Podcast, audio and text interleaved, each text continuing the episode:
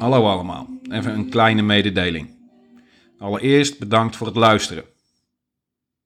Deze aflevering heeft iets langer op zich laten wachten, dat klopt. Dat komt omdat mijn telefoon kapot ging. Gelukkig ben ik niet alles kwijt, maar het kost me een hoop tijd om alles weer op te schuiven. Een goede les voor de toekomst, voor mij persoonlijk. Om niet met notities te werken, maar om gewoon overal even een backup van te maken. Maar goed, ook voor de volgende aflevering zal ik een hoop typwerk moeten verrichten. Ook loop ik nog steeds tegen nieuwe informatie en inzichten aan, dus het verhaal zelf is ook nog steeds in ontwikkeling. De volgende aflevering over de Grebbeberg zal sowieso de meest uitgebreide van allemaal worden. Dus bereid je erop voor dat het zomaar een week of twee kan duren voordat de volgende aflevering online komt. Alvast bedankt voor jullie begrip. Maar zonder verder oponthoud, welkom bij Nederland in Oorlog. De strijd om Nederland in de meidagen van 1940. Aflevering 8. De slag om Dordrecht.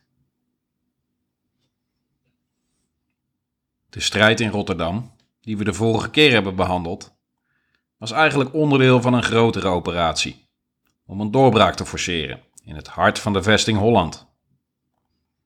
Daarvoor wilden de Duitsers de bruggen over de Nieuwe Maas in handen krijgen, maar ook die over de Oude Maas, iets zuidelijker. Die waren echter nog wel te omzeilen geweest. Mochten die bruggen worden opgeblazen, dan bestaat er de mogelijkheid om met geïmproviseerde bruggen elders alsnog naar de overkant te komen. Dat zou hooguit tijdverlies betekenen en is gewoon een stuk complexer dan het gebruik kunnen maken van een bestaande brug. Wat in Duitse ogen veel dramatischer zou zijn, was als de brug over het Hollands Diep zou worden opgeblazen. Ten zuiden van Dordrecht, bij Moerdijk. Het Hollands Diep is namelijk niet alleen diep, maar ook te breed om met pontonbruggen te kunnen overschrijden. Dus bij het zuidelijkste gedeelte valt of staat de hele operatie.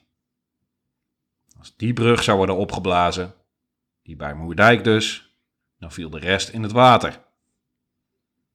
Dan hadden de parachutisten geïsoleerd gezeten in Dordrecht en Rotterdam en was een aansluiting van panzerdivisies nagenoeg onmogelijk geworden. Dan denk je, hoezo? Waarom gingen ze niet gewoon ergens bij Waalwijk of Den Bosch de Maas over? Het probleem daarvan is dat je dan ten noorden van de Maas op drassig terrein stuit, waar anno 1940 nog weinig verharde wegen waren. Pak de kaart van Nederland er maar eens bij, dan zie je het zo. Het hele gebied barst van de zijarmen en aftakkingen van rivieren, waar je dan ook weer overheen moet zien te komen. En waar toen nog nauwelijks goede rivierovergangen beschikbaar waren. En als dat allemaal gelukt is, dan stuit je op de Waal en dan moet je dus ook weer een tijdrovende, complexe operatie uitvoeren om daar weer overheen te komen. Hoogstwaarschijnlijk ook onder vijandelijk vuur. Dus ja, het wordt de overgang over het Hollands Diep, bij Moerdijk. Waar je goede bruggen hebt en in het stedelijke gebied van Dordrecht en Rotterdam terechtkomt. Met goede begaanbare wegen. En dus zeer geschikt voor gemotoriseerde eenheden. Dan rij je zo de Randstad binnen richting Den Haag. Dat was de conclusie waar de Duitsers op kwamen. En dus zouden ze ook hier weer een complex plan opzetten om de Moerdijkbrug in te nemen. Maar even vanuit hun geredeneerd. Die Hollanders zijn ook niet helemaal gek natuurlijk. Die generaals zitten ook op landkaarten pionnetjes te schuiven en alle mogelijke aanvalsopties te overwegen. En natuurlijk, die Nederlanders zijn niet zo strategisch onderlegd als wij. Maar helemaal achterlijk zijn ze niet, toch? Ze zien ook duidelijk het belang van hun waterlinie. Dus het belang van de zuidelijke ingang in die waterlinie zien ze ook, toch? Ze zien mogelijk een grootschalige verrassingsaanval met parachutisten over het hoofd. Maar zij snappen natuurlijk ook wel dat het ons om die bruggen te doen is, toch? En die hebben ze sowieso met explosieven behangen om ze op te kunnen blazen, toch? En die hebben daar een grote concentratie sterke eenheden, toch? Die hebben zich daar stevig ingegraven. En sterke fortificaties, toch? Het kan toch niet zo zijn dat ze deze strategische olifant in de kamer over het hoofd hebben gezien, toch? Ehm, jawel dus. Niets van dat alles was er. Er was een Nederlands bruggenhoofd bij Moerdijk. Dat wel. De brug was aan beide kanten verdedigd met een aantal stellingen. Een paar bunkers, wat artillerie en wat zware mitrailleurs. Maar het absolute essentiële belang van de brug was, zo lijkt het, niet doorzien. Sterker nog, dat werd pas na drie dagen vechten in Dordrecht duidelijk voor onze briljante strategen in het algemeen hoofdkwartier in Den Haag. Op 12 mei dus. Toen viel het kwartje. Oh, het is om die bruggen te doen, hè? Het gaat ze dus niet zozeer om de stad Dordrecht, maar om de bruggen. Nou snap ik prima dat het achteraf makkelijk lullen is. Vanuit je luie stoel, 83 jaar later. Echt, dat snap ik. Armchair generals noemen ze dat, geloof ik. En daar hebben we er al genoeg van. Net als die 17 miljoen bondscoaches. Die lekker aan de zijlijn staat te roepen wat er allemaal beter kan. Maar kom op, we hebben het hier over de hoogste militairen van je land. Het zijn professionals, mensen die hun vak verstaan en daar behoorlijk voor betaald worden. Al het strategisch vernuft, alle expertise, al het inzicht is daar gebundeld, als het goed is. Dan is toch het minste wat je kan verwachten dat ze iets eerder doorhebben wat er allemaal gebeurt en waarom de vijand doet wat hij doet.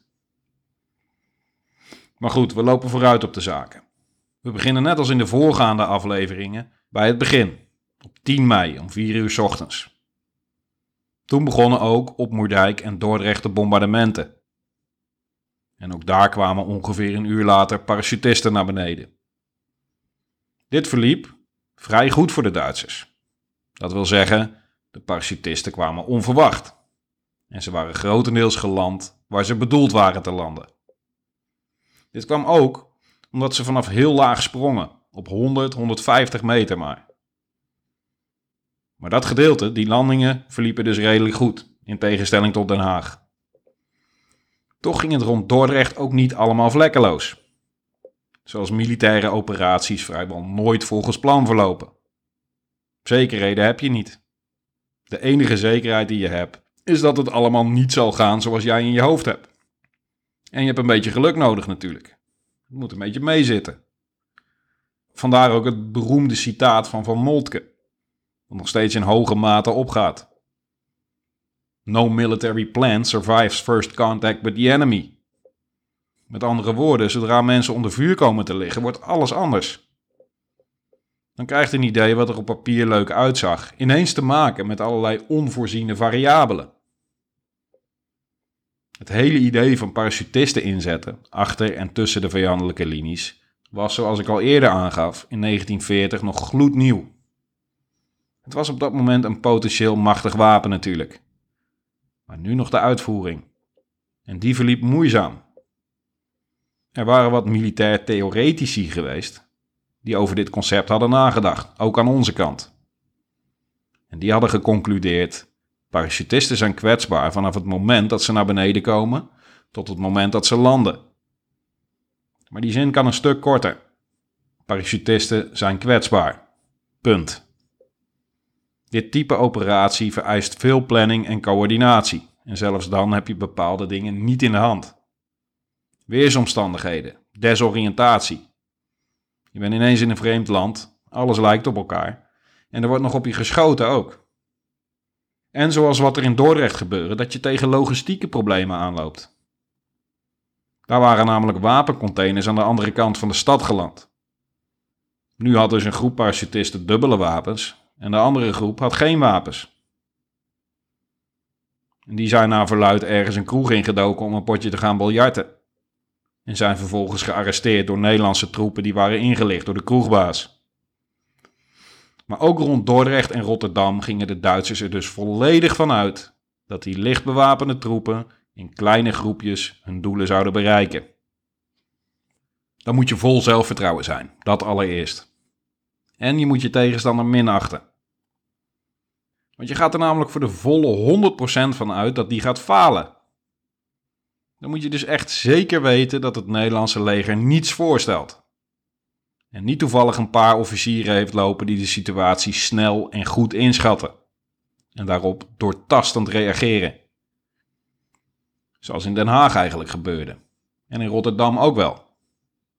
Doortastender dan verwacht in ieder geval. De Duitsers namen de gok met de volle overtuiging dat we zouden gaan prutsen en falen. En verwachten blijkbaar dat er überhaupt niet teruggeschoten zou worden. Nou, dat laatste zou in Dordrecht zeker wel gaan gebeuren. Maar goed, het was desalniettemin Champions League niveau tegen zesde klasse dinsdagnachtamateurs. Onderbond. Oké, ik overdrijf nu een beetje, maar het was in dit geval, laten we zeggen, Bayern München tegen FC Dordrecht. Maar dan wel een Bayern München, wat gemakshalve niet eens een keeper heeft opgesteld. De tegenstander kan toch niet scoren, dat idee. Maar de spitsen van Bayern, in dit geval de bewapende Duitse parachutisten, gingen inderdaad direct voortvarend te werk. Die hadden de taak om in het noorden de Zwijndrechtse bruggen en in het zuiden de Moerdijkbrug in te nemen. Om de aanvoer van troepen en voorraden vanuit het zuiden mogelijk te maken. En te wachten op de hoofdmacht, die als het goed is 24 uur later zou arriveren. Het primaire doelwit was Moerdijk. Die brug mocht in geen geval worden opgeblazen. Het zou symbool staan voor de Duitse krijgsmacht als prestigeproject. En ook voor de Nederlandse, maar dan als symbool voor wat er allemaal aan schortte. In de vroege morgen van 10 mei lag de verdediging van het bruggenhoofd Moerdijk nog lekker te slapen in de nabijgelegen barakken, toen ze plotseling wakker schokken van bombardementen. Direct paniek natuurlijk. Alle soldaten in die zouden de Duitsers zeggen. Iedereen naar buiten, wapens pakken en de stellingen bemannen. Maar het ging allemaal ineens heel snel. Overal waren parachutisten aan het landen. Ook tussen de stellingen en midden in het brughoofd. Daar liepen de Nederlanders al snel tegen de eerste tactische problemen aan. Omdat er dus totaal geen rekening was gehouden met parachutisten, stonden de Nederlandse verdedigingswerken allemaal naar buiten gericht. En de verdediging was niet paraat. Ze waren ervan uitgegaan dat ze nog genoeg tijd hadden om de nodige voorbereidingen te treffen voordat de vijand zou arriveren. En ze hadden verwacht dat Franse tanks Brabant zouden beveiligen. Maar daar komen we later op terug. De verdediging had zich dus niet voorbereid op dit scenario. Maar je kan gerust zeggen dat ze zich überhaupt niet hadden voorbereid. Kijk, gewone soldaten moeten zich gaan concentreren op vechten. Schieten, je sector bewaken. Niets meer, niets minder. Maar dat moet geleid worden en aangestuurd. Door mensen die op dat moment wel het overzicht kunnen bewaren. Zoals ik al eerder heb omschreven, is het werk van een officier in oorlogstijd stressvol en hectisch. Ook voor een ervaren beroepsmilitair. Het vereist training en kennis, toewijding, overtuiging. Maar ook dan is het geen garantie dat je de druk aan kan. Van een echte oorlog onder vuur. Met de adrenaline, de chaos die ontstaat. Wat je vaak ziet is dat ze vergeten om het overzicht te bewaren. Ze gaan zich dan bezighouden met vechten in plaats van het gevecht te leiden. Tunnelvisie, verwarring.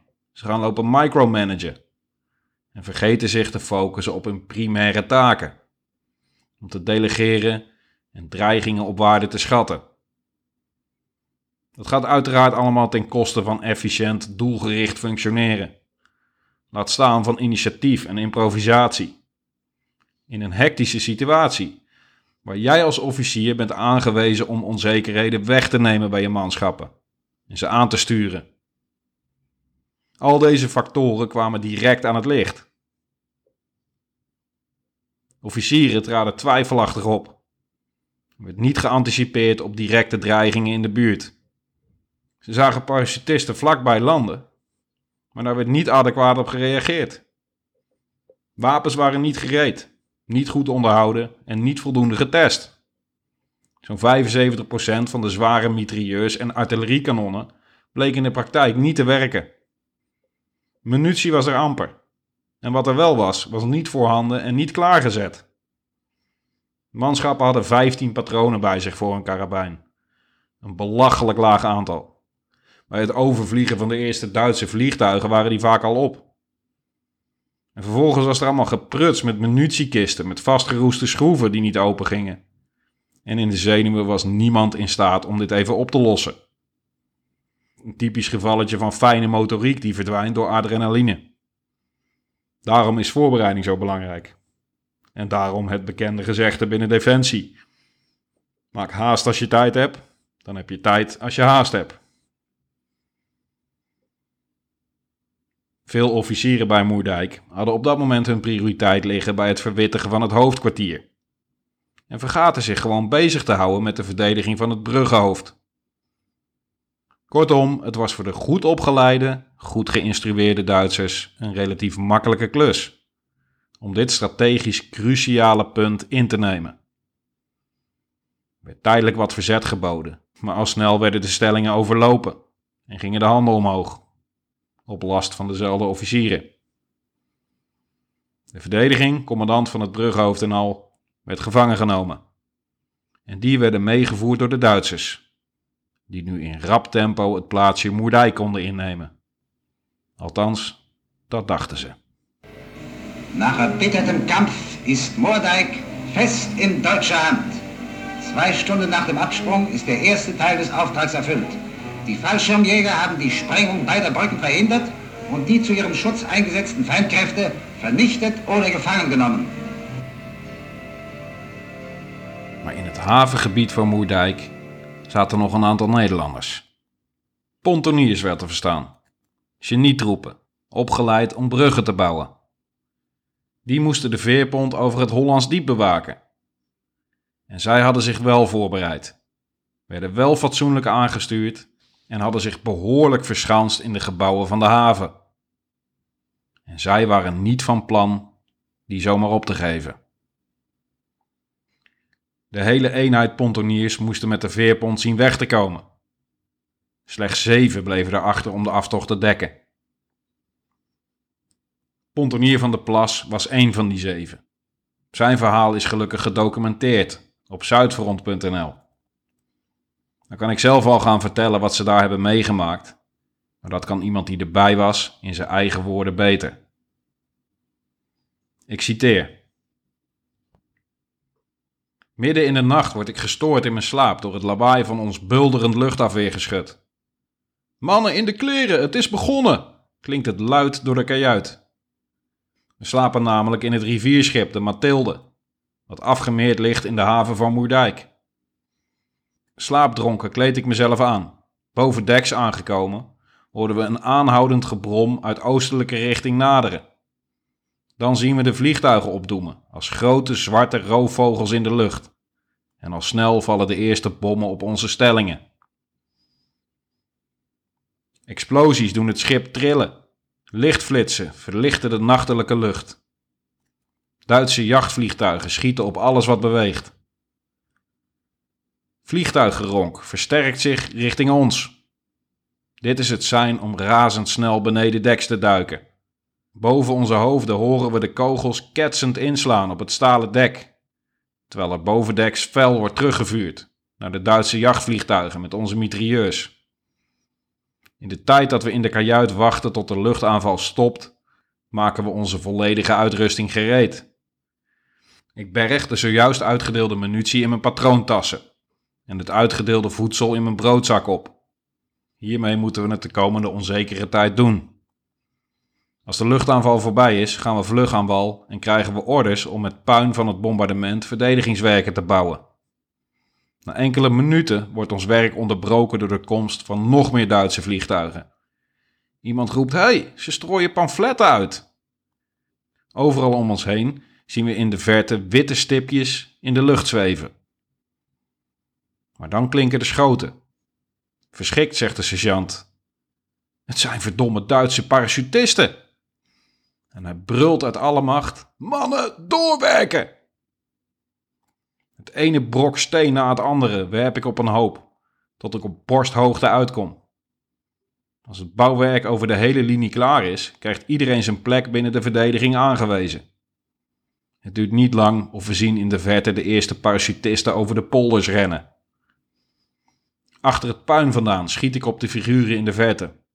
Naast mij vuurt onze mitrailleur onafgebroken over de donkere polder. Enkele tientallen meters verderop zie ik een Duitser naderbij sluipen. Op het betonnen bruggetje in de polder zoekt hij dekking. Mij ziet hij niet. Ik laat hem nog wat dichterbij komen. Richten, adem inhouden en vuur. Mijn eerste dode is niet meer dan een feit. Op dat moment doet het me vrijwel niets. Met ons spervuur over het vlakke terrein lukt het om de eerste Duitse aanval te stoppen. De Duitse parachutisten liggen vast. Er is te weinig dekking in de polder en te veel lood in de lucht. Na verloop van tijd nadert de vijand vanuit een andere richting. Sergeant Visser neemt daarop zijn maatregelen. Van de plas en vlot meekomen. Jullie voegen je bij de anderen in een van de huizen op het kruispunt om de Duitsers daar op te vangen. Bang om geraakt te worden, rennen we zo hard als we kunnen naar het kruispunt. Door de achteruitgang betreed ik en soldaat Vlot een van de huizen. Ik vergrendel de achterdeur om vervelende verrassingen te voorkomen. Vlot gaat naar boven en ik blijf beneden. Om naar buiten te kunnen schieten, sla ik het glas uit het venster met de kolf van mijn wapen kapot. Over de loop van mijn karabijn kijk ik schuinweg de steenweg in. In afwachting van de dingen die gaan komen, lijken minuten uren te duren. Dan hoor ik schieten, niet ver hier vandaan. Enkele ogenblikken later rennen groene en grijze uniformen van gevel naar gevel. Het zijn de moffen en een Hollandse krijgsgevangene. Mijn angst maakt plaats voor automatisch handelen, richten, vuren en grendelen. Tussen de uniformen zie ik iemand in burgerkleding, vast een NSB'er, de vuile verrader. Ik volg hem in mijn vizier als hij rent naar de volgende gevel. Maar die haalt hij niet. Ik schiet, hij valt struikelend neer om levensloos op straat te blijven liggen. Een Duitse officier staat rechtop zonder dekking, alsof de kogels hem niet kunnen raken. Hij deelt druk met zijn armen bevelen uit aan zijn mannen, totdat ook hij in elkaar zakt op de straatstenen. Door het felle kruisvuur van onze kant kunnen de Duitsers weinig uitrichten. Telkens proberen ze om de hoek van een gevel terug te schieten. Ik concentreer mijn vuur op de hoek en raak enkele om de hoek loerende Duitsers. Toch blijven ze het elke keer proberen. Een groepje Duitsers duikt al rennend achter een manshoog muurtje. Een van hen, een onderofficier, kijkt voorzichtig over het muurtje heen om de situatie in te schatten. Dat wordt hem fataal. Ik richt mijn karabijn en vuur. De kogel treft de onderofficier in het hoofd. Weer een leidsman minder binnen de Duitse aanvalsgroep. Hopeloos dwingen de aangeslagen Duitsers nu hun gevangenen uit de dekking om ons op te roepen de wapens neer te leggen. Ondanks dat vuren we vastberaden door. En daardoor vangt het vuurgevecht weer in alle hevigheid aan. De krijgsgevangenen, nu gevangen tussen twee vuren, krijgen de volle laag. Van het ene op het andere moment liggen er tientallen krijgsgevangenen zwaar gewond op straat. Het wantrouwen wat de berichtgevingen van de Hollandse pers heeft gezaaid, geeft vertwijfeling. Waren het echt krijgsgevangenen die ons opriepen de wapens neer te leggen? Of waren het verraders, gekleed in Hollandse uniformen? Deze twijfel deed ons doorvuren, ondanks de Hollandse krijgsgevangenen in de vuurlinie. Een harde, doffe bonk klinkt van boven en brengt me terug in het heden. Ik ren de trap op. Bovenaan de trap gekomen, zie ik op de vloer soldaat Vlot liggen. Stuiptrekkend ligt hij onder het raam. Een kogel heeft via de binnenrand van zijn helm rondom de schedel zijn weggevolgd, waardoor nu zijn blauwgrijze hersenen bloot liggen. Dat had ik kunnen zijn, flitst er door me heen. Voorzichtig kijk ik uit het raam de straat in. Een Duitse soldaat behangen met kogelbanden komt vanaf de rechterflank op het huis afgelopen. Ik grendel mijn karabijn en snel naar beneden. Naast de deur, tegen de muur wacht ik hem op. De deur gaat open. Voetstappen op de houten vloer. Enkel een paar centimeters hout van de deur scheidt onze blik. Met zijn rug naar me toe loopt hij de kamer in. Op het moment dat hij zich omdraait, kijk ik in zijn verschrikte ogen en schiet. Direct zakt hij ineen op de vloer als een zak aardappelen.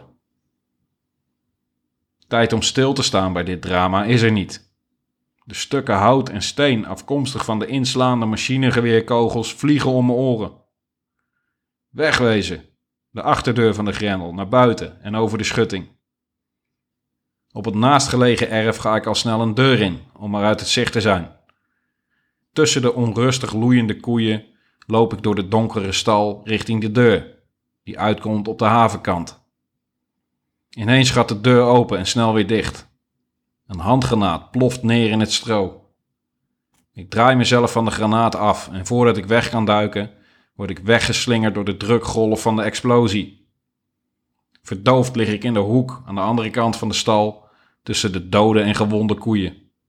De arme dieren hebben de meeste scherven voor me opgevangen. Ik voel alleen een stekende pijn in mijn onderrug. Dan wordt de deur in stilte opengetrapt, want het enige wat ik nog hoor is een luide piep in mijn oren.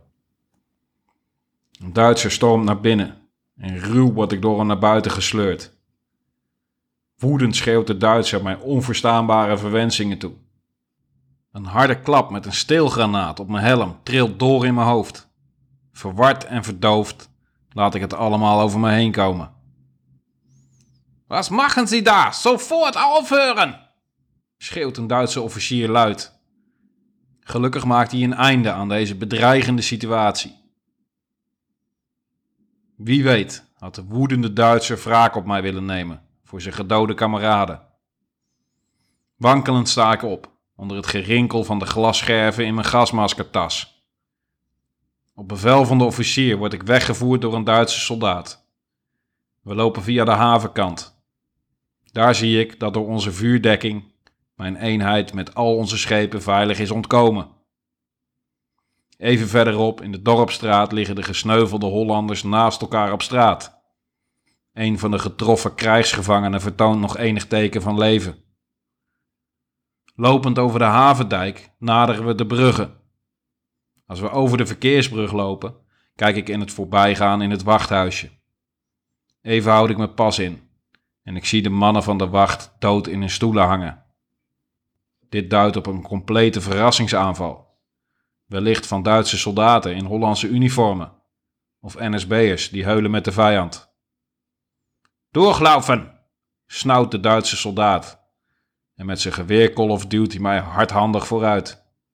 Op de andere oever aangekomen worden we verrast door de Hollandse kanonnen. Om ons heen breekt de hel los en snel duiken we in een greppel. Ik druk mezelf stevig tegen de grond. Het liefst zou ik in de grond willen kruipen. Dan slaat er op een meter afstand van ons een granaat in. De schokgolf trilt door ons heen en de aarde spat meters hoog boven ons uit. De granaatscherven vliegen over ons heen en treffen enkele meters verderop een Hollandse soldaat dodelijk.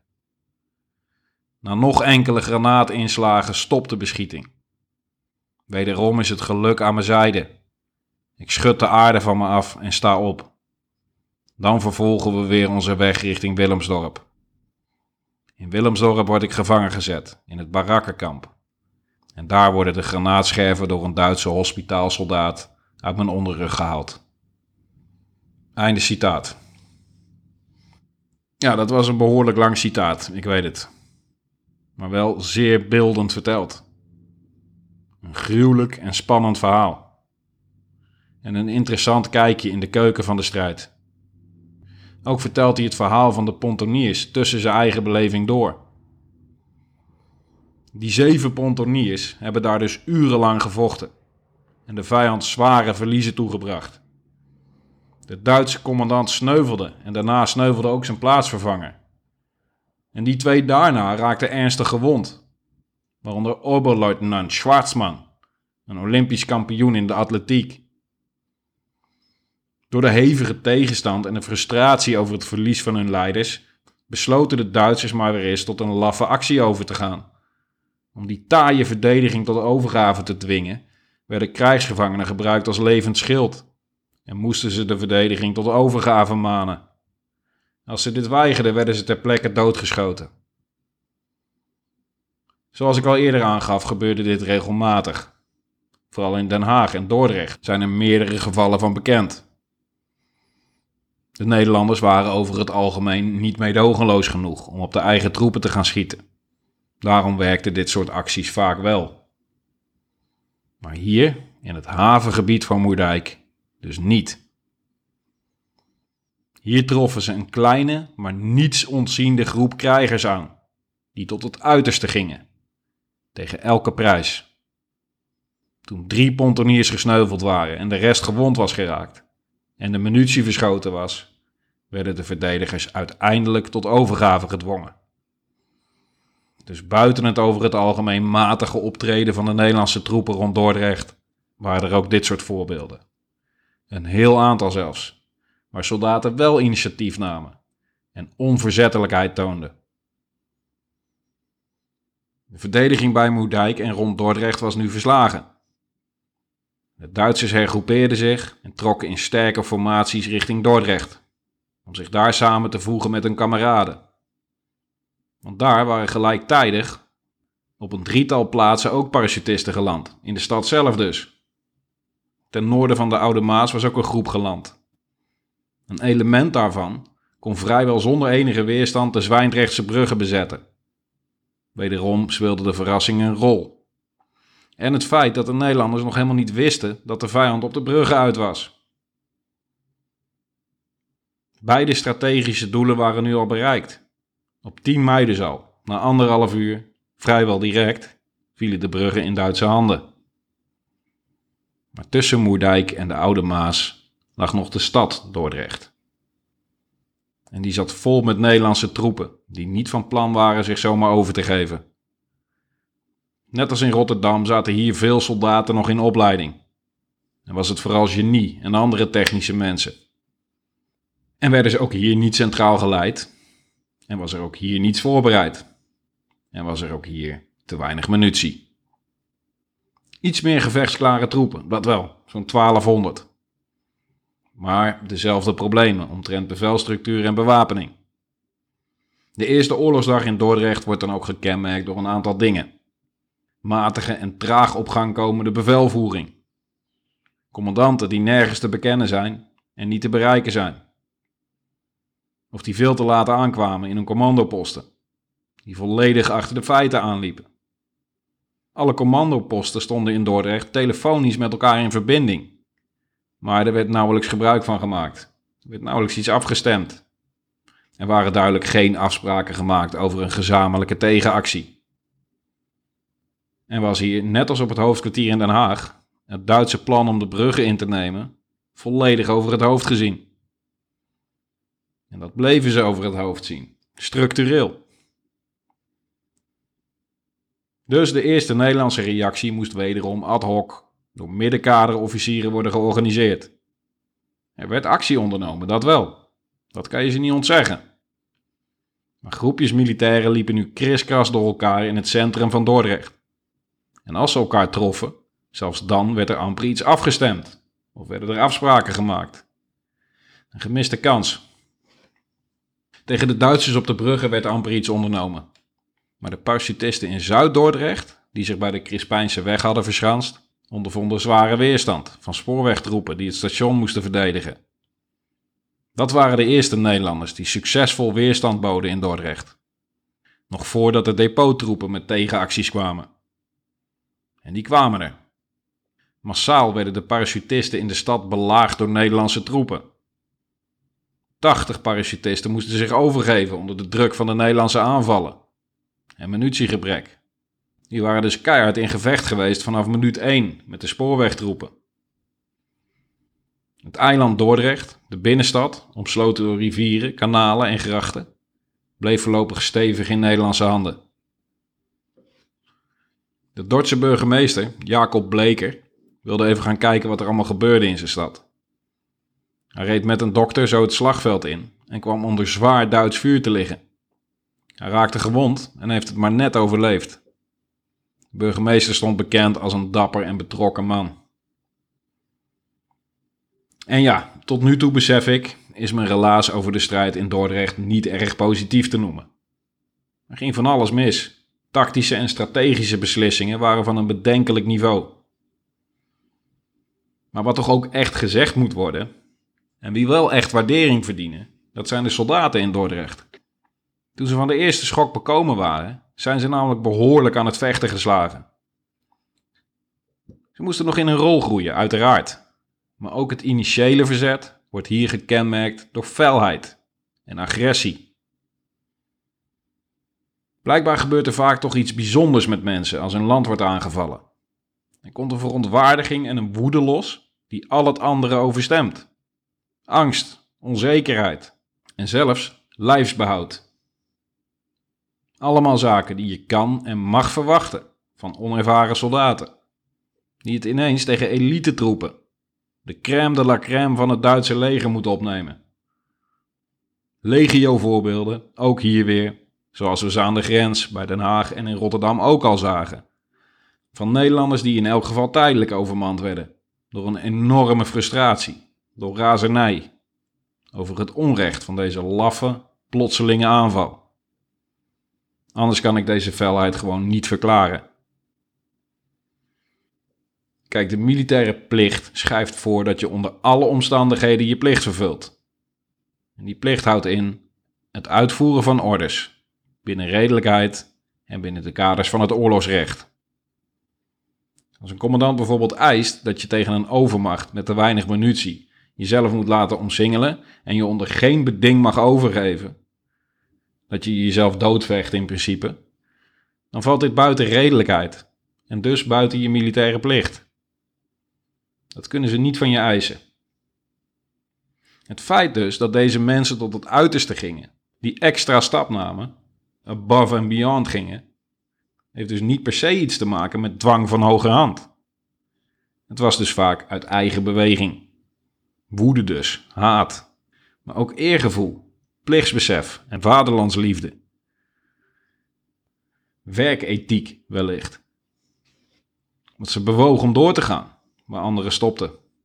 Geen stap opzij te gaan, geen stap terug te zetten, om zich nooit over te geven. En het waren er niet een paar, maar een heel stel. En al zou het er één zijn, dan zou die in menig land op een voetstuk staan als nationale held en eeuwige roem vergaren. Hier in Nederland zijn we ze al lang vergeten. Of we weten niet eens dat ze bestaan. In Dordrecht werd de moraal en de volharding van de Nederlandse verdediging alleen maar sterker toen diverse aanvallen werden afgeslagen en de stellingen gehandhaafd bleven.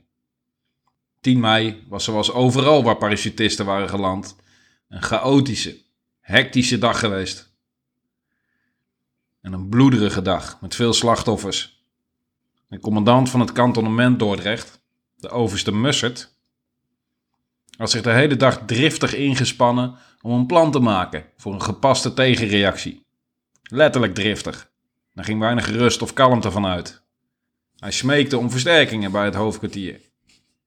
Zijn handelen tijdens de Eerste Oorlogsdag was dus in hoge mate betrokken en ijverig te noemen, maar werd door getuigen omschreven als gestrest en het grensde aan wanhoop. Hij deed wel degelijk zijn best en nam ook een aantal stappen die zeker nuttig waren. Maar de grote blunder die ook hij maakte, was om het belang van de bruggen niet te zien. Dus zouden de geplande tegenstoten op 11 mei ook nauwelijks op die bruggen gericht zijn. Hierdoor konden de Duitsers hun positie steeds meer versterken en zich samenvoegen, zich langs de flanken van de stad te bewegen, omdat daar nauwelijks Nederlandse activiteit was. Op Jo Mussert kom ik later nog terug. De Duitsers zaten daar dus prima rond die bruggen. Ze stonden wel onder druk. Het was niet zo dat de Nederlanders niets ondernamen tegen die posities. Maar een gepaste tegenreactie bleef uit. Zo begon het eruit te zien dat het Duitse plan ging werken. Want die eerste dagen waren het alleen nog licht bewapende parachutisten die de stad onveilig maakten. Die Verbindung mit den gelandeten Fallschirmtruppen soll schnellstens hergestellt werden.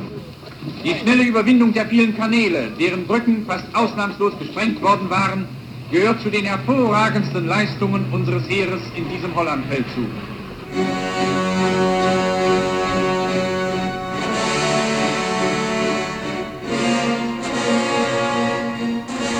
zat een hoop extra vuurkracht aan te komen voor de Duitsers.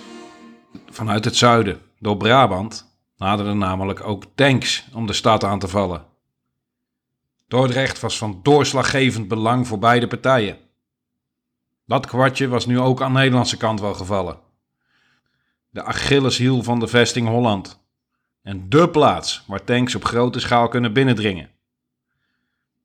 Op 12 mei, op dag 3 van de strijd, werd er ook aan de Nederlandse kant versterking aangevoerd. De lichte divisie kwam in actie. Een tactische reserve die ten zuidwesten van Dordrecht gelegerd was. Die moesten het eiland Dordrecht gaan zuiveren. Ze staken de Dordtse kil over.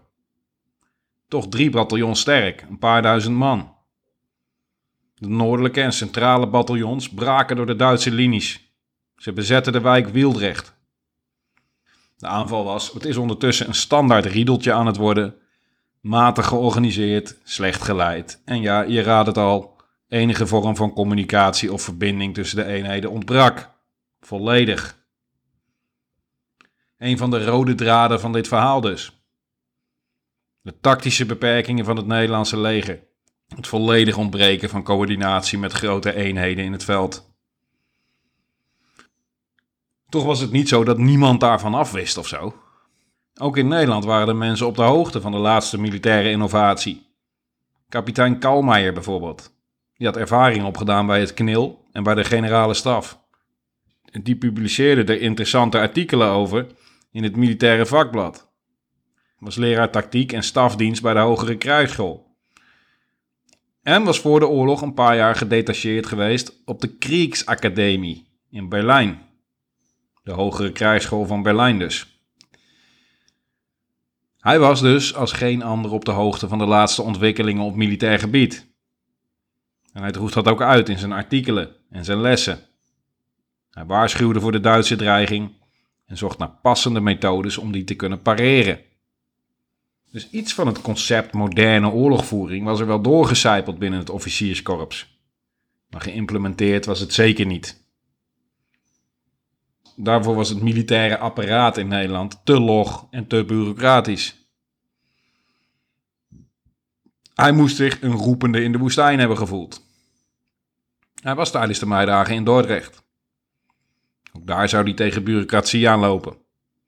Hij was officieel stafofficier van de groep Kil. En had dus niets te zeggen over de depottroepen in de stad. Toch bemoeide hij zich met gevechtsacties, nam initiatief en strooide met orders. Hij ging wat dat betreft officieel gezien buiten zijn boekje. Hij zou achteraf snijdende kritiek uiten op een aantal in zijn ogen matig functionerende officieren. Hij liet zich laagdunkend uit over zo weinig talent en inzicht. Die hooghartige houding is hem na de hand wel eens verweten. Die is ook niet altijd terecht geweest. Maar voor iemand met die mate van inzicht en kennis en zijn vooruitstrevende denkwijze kan ik me zijn frustratie ook wel weer inbeelden. Maar oké, waar waren we ook weer gebleven? Oh ja, de aanval van de lichte divisie op het westen van de stad. Die had dus wel wat vorderingen gemaakt, ondanks alles.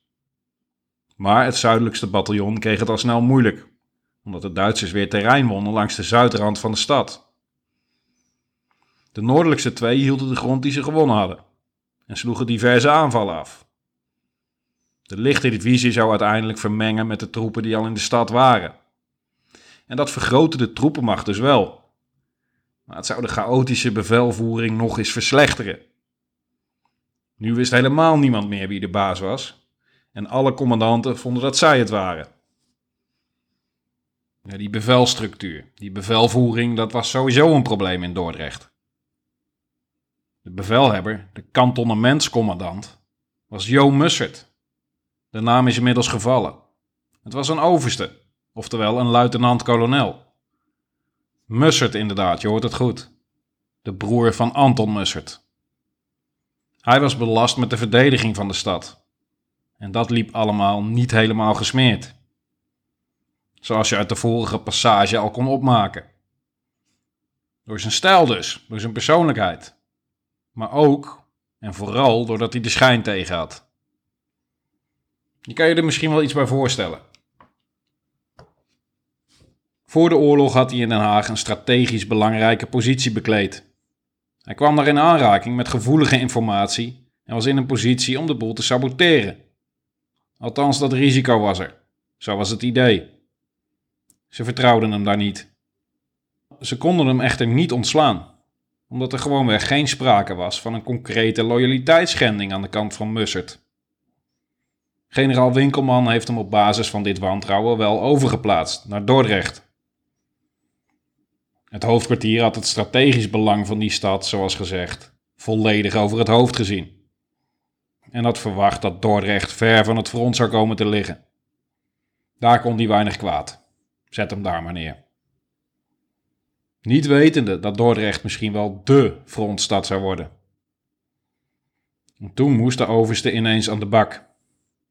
Leiding geven over een paar duizend man aan een stad in oorlog. Kijk, in de theorie was hij geen slechte officier. Hij stond bekend als deskundig, iemand met veel vakkennis. Maar in de praktijk ging het allemaal niet geweldig.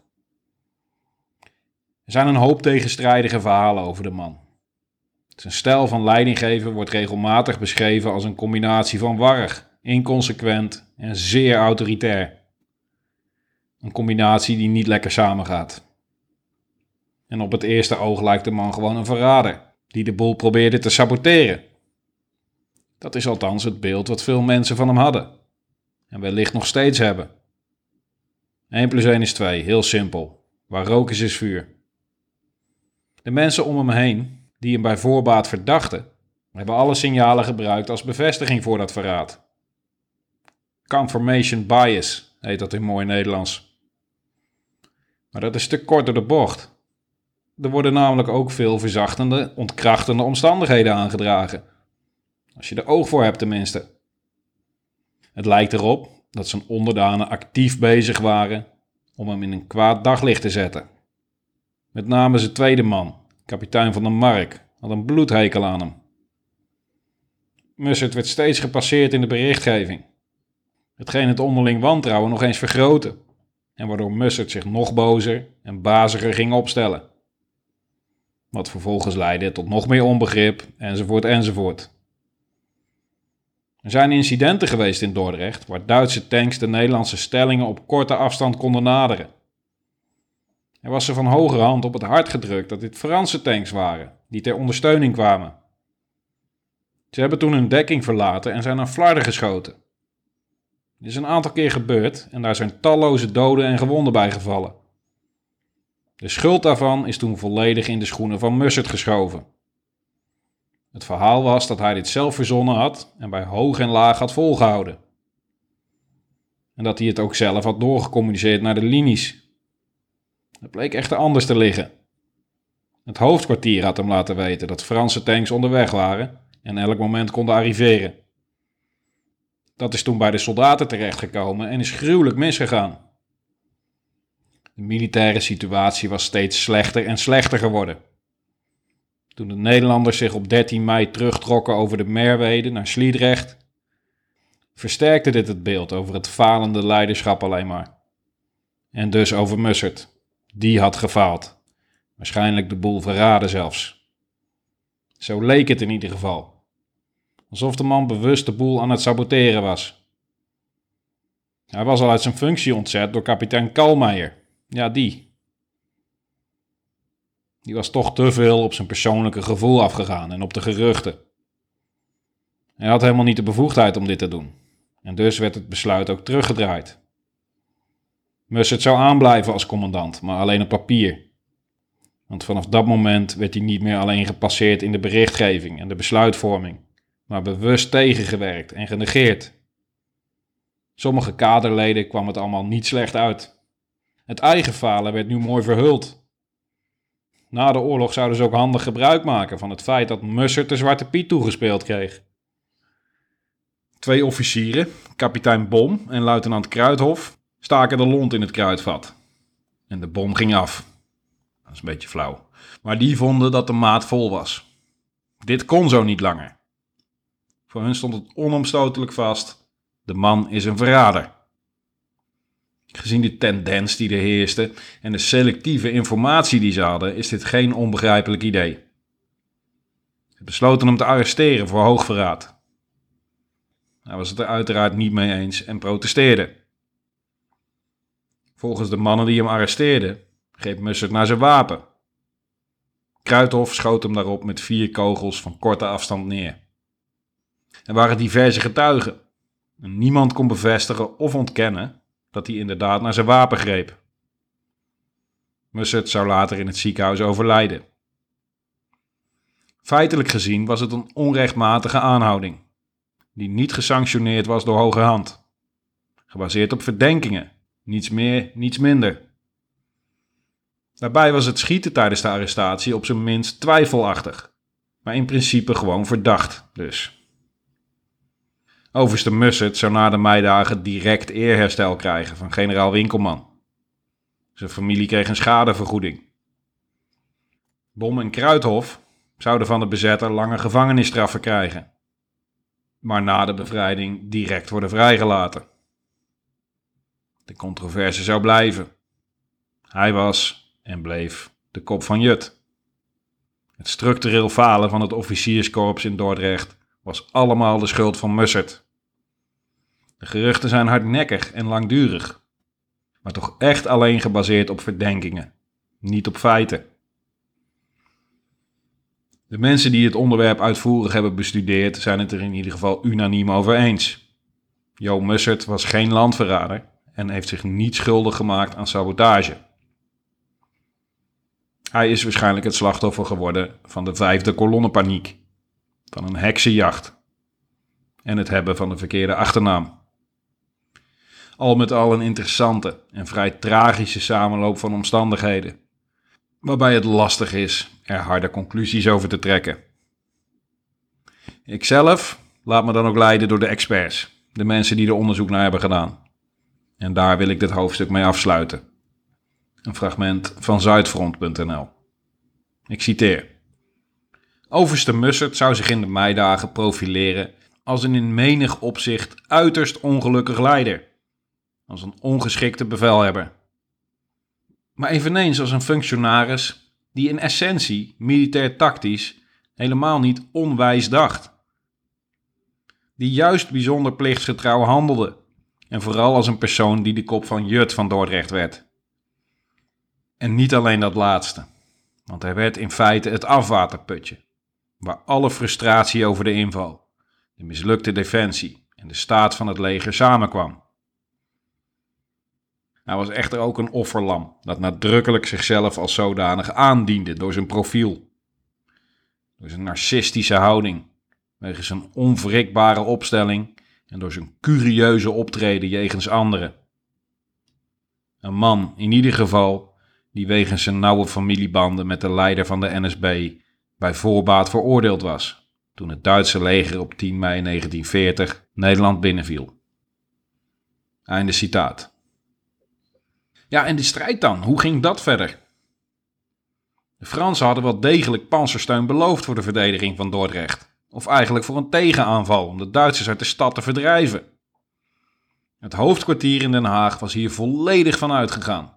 De Fransen beveiligen Brabant. Daar hoeven we ons geen zorgen over te maken. Ze hebben het immers beloofd. Ze hebben een woord gegeven. Het bleek een grote fout te zijn om te vertrouwen op de Fransen. Want ze reageerden laat en onzeker. Bij de Belgisch-Nederlandse grens kregen ze al knikkende knieën. Hoe noordelijker ze kwamen, hoe meer de twijfel toesloeg. Het idee van een daadwerkelijk treffen met de oprukkende Duitse panzerdivisie werd ze te veel. Ze groeven zich in rond Breda. Net iets te zuidelijk dus, om een bedreiging te vormen voor de Duitsers. Of om ze zelfs maar te kunnen vertragen. Zo konden de Duitse tanks ongehinderd in het zuiden van Dordrecht arriveren. Süden her rückt eine französische Schnelldivision an. Aber eisern widersteht der Brückenkopf von Moerdijk. Ganz auf sich gestellt halten unsere Fallschirmjäger drei Tage und zwei Nächte im Feinddruck aus. De stad was nu omsingeld. We stonden er alleen voor. Van de Fransen moet je het maar hebben. Hier in het zuiden van Nederland zou niet het enige matige optreden van de Fransen zijn trouwens. De verdediging van het eigen land zou ook een zes weken durende aaneenschakeling van nederlagen worden. Daar zal ik in een andere aflevering nog even op ingaan. Maar nu terug naar Dordrecht. Vanuit het noorden waren er nu ook Duitse versterkingen aangevoerd. Generaal Student achter de Dordtse troepen als de grootste bedreiging op het moment. De druk op Dordrecht was enorm. Van alle kanten werd de stad aangevallen. Duitse tanks trokken vanuit het zuiden de stad binnen. Die konden de verdedigers terugdringen tot achter de grachten van de binnenstad. Daar werden de ophaalbruggen opengezet. Bij de bruggen die niet open konden, werden barricades opgeworpen en kanonnen opgesteld. De Spuitboulevard werd de nieuwe frontlinie. Er werd hevig over en weer geschoten over de grachten. De Nederlanders wisten in korte tijd een zestal tanks en een veelvoud aan panzerwagens uit te schakelen. Ze waren rechtstreeks in een kolonne de Bagijnhof ingereden, midden het centrum van Dordrecht in. Tanks zijn kwetsbaar in de stad, dat bleek maar weer eens. Maar ze hebben wel een hoop vuurkracht. Veel Nederlanders konden op dat moment niet veel anders dan zich schuilhouden. Vlak bij de Vriezenbrug, daar in de binnenstad, gebeurde er iets bijzonders. Daar stond een kanon richting het noorden gericht. De bemanning was de huizen ingevlucht, onder hevig vuur van de tanks die ze in de rug aanvielen. Maar er was één man die besloot niet te vluchten. Hij was Vaandrig Dekker. Hij bleef, vast besloten om iets terug te doen. Helemaal alleen. Hij draaide het kanon de goede kant op, schoot van korte afstand de stenen barricade kapot. Die stond in de weg namelijk. Door de schokgolf werd hij meters achteruit geworpen.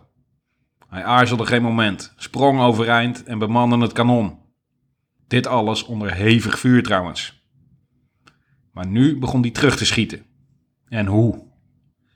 Hij wist een aantal voltreffers te scoren en schakelde er twee uit. De rest droop af en trok zich terug.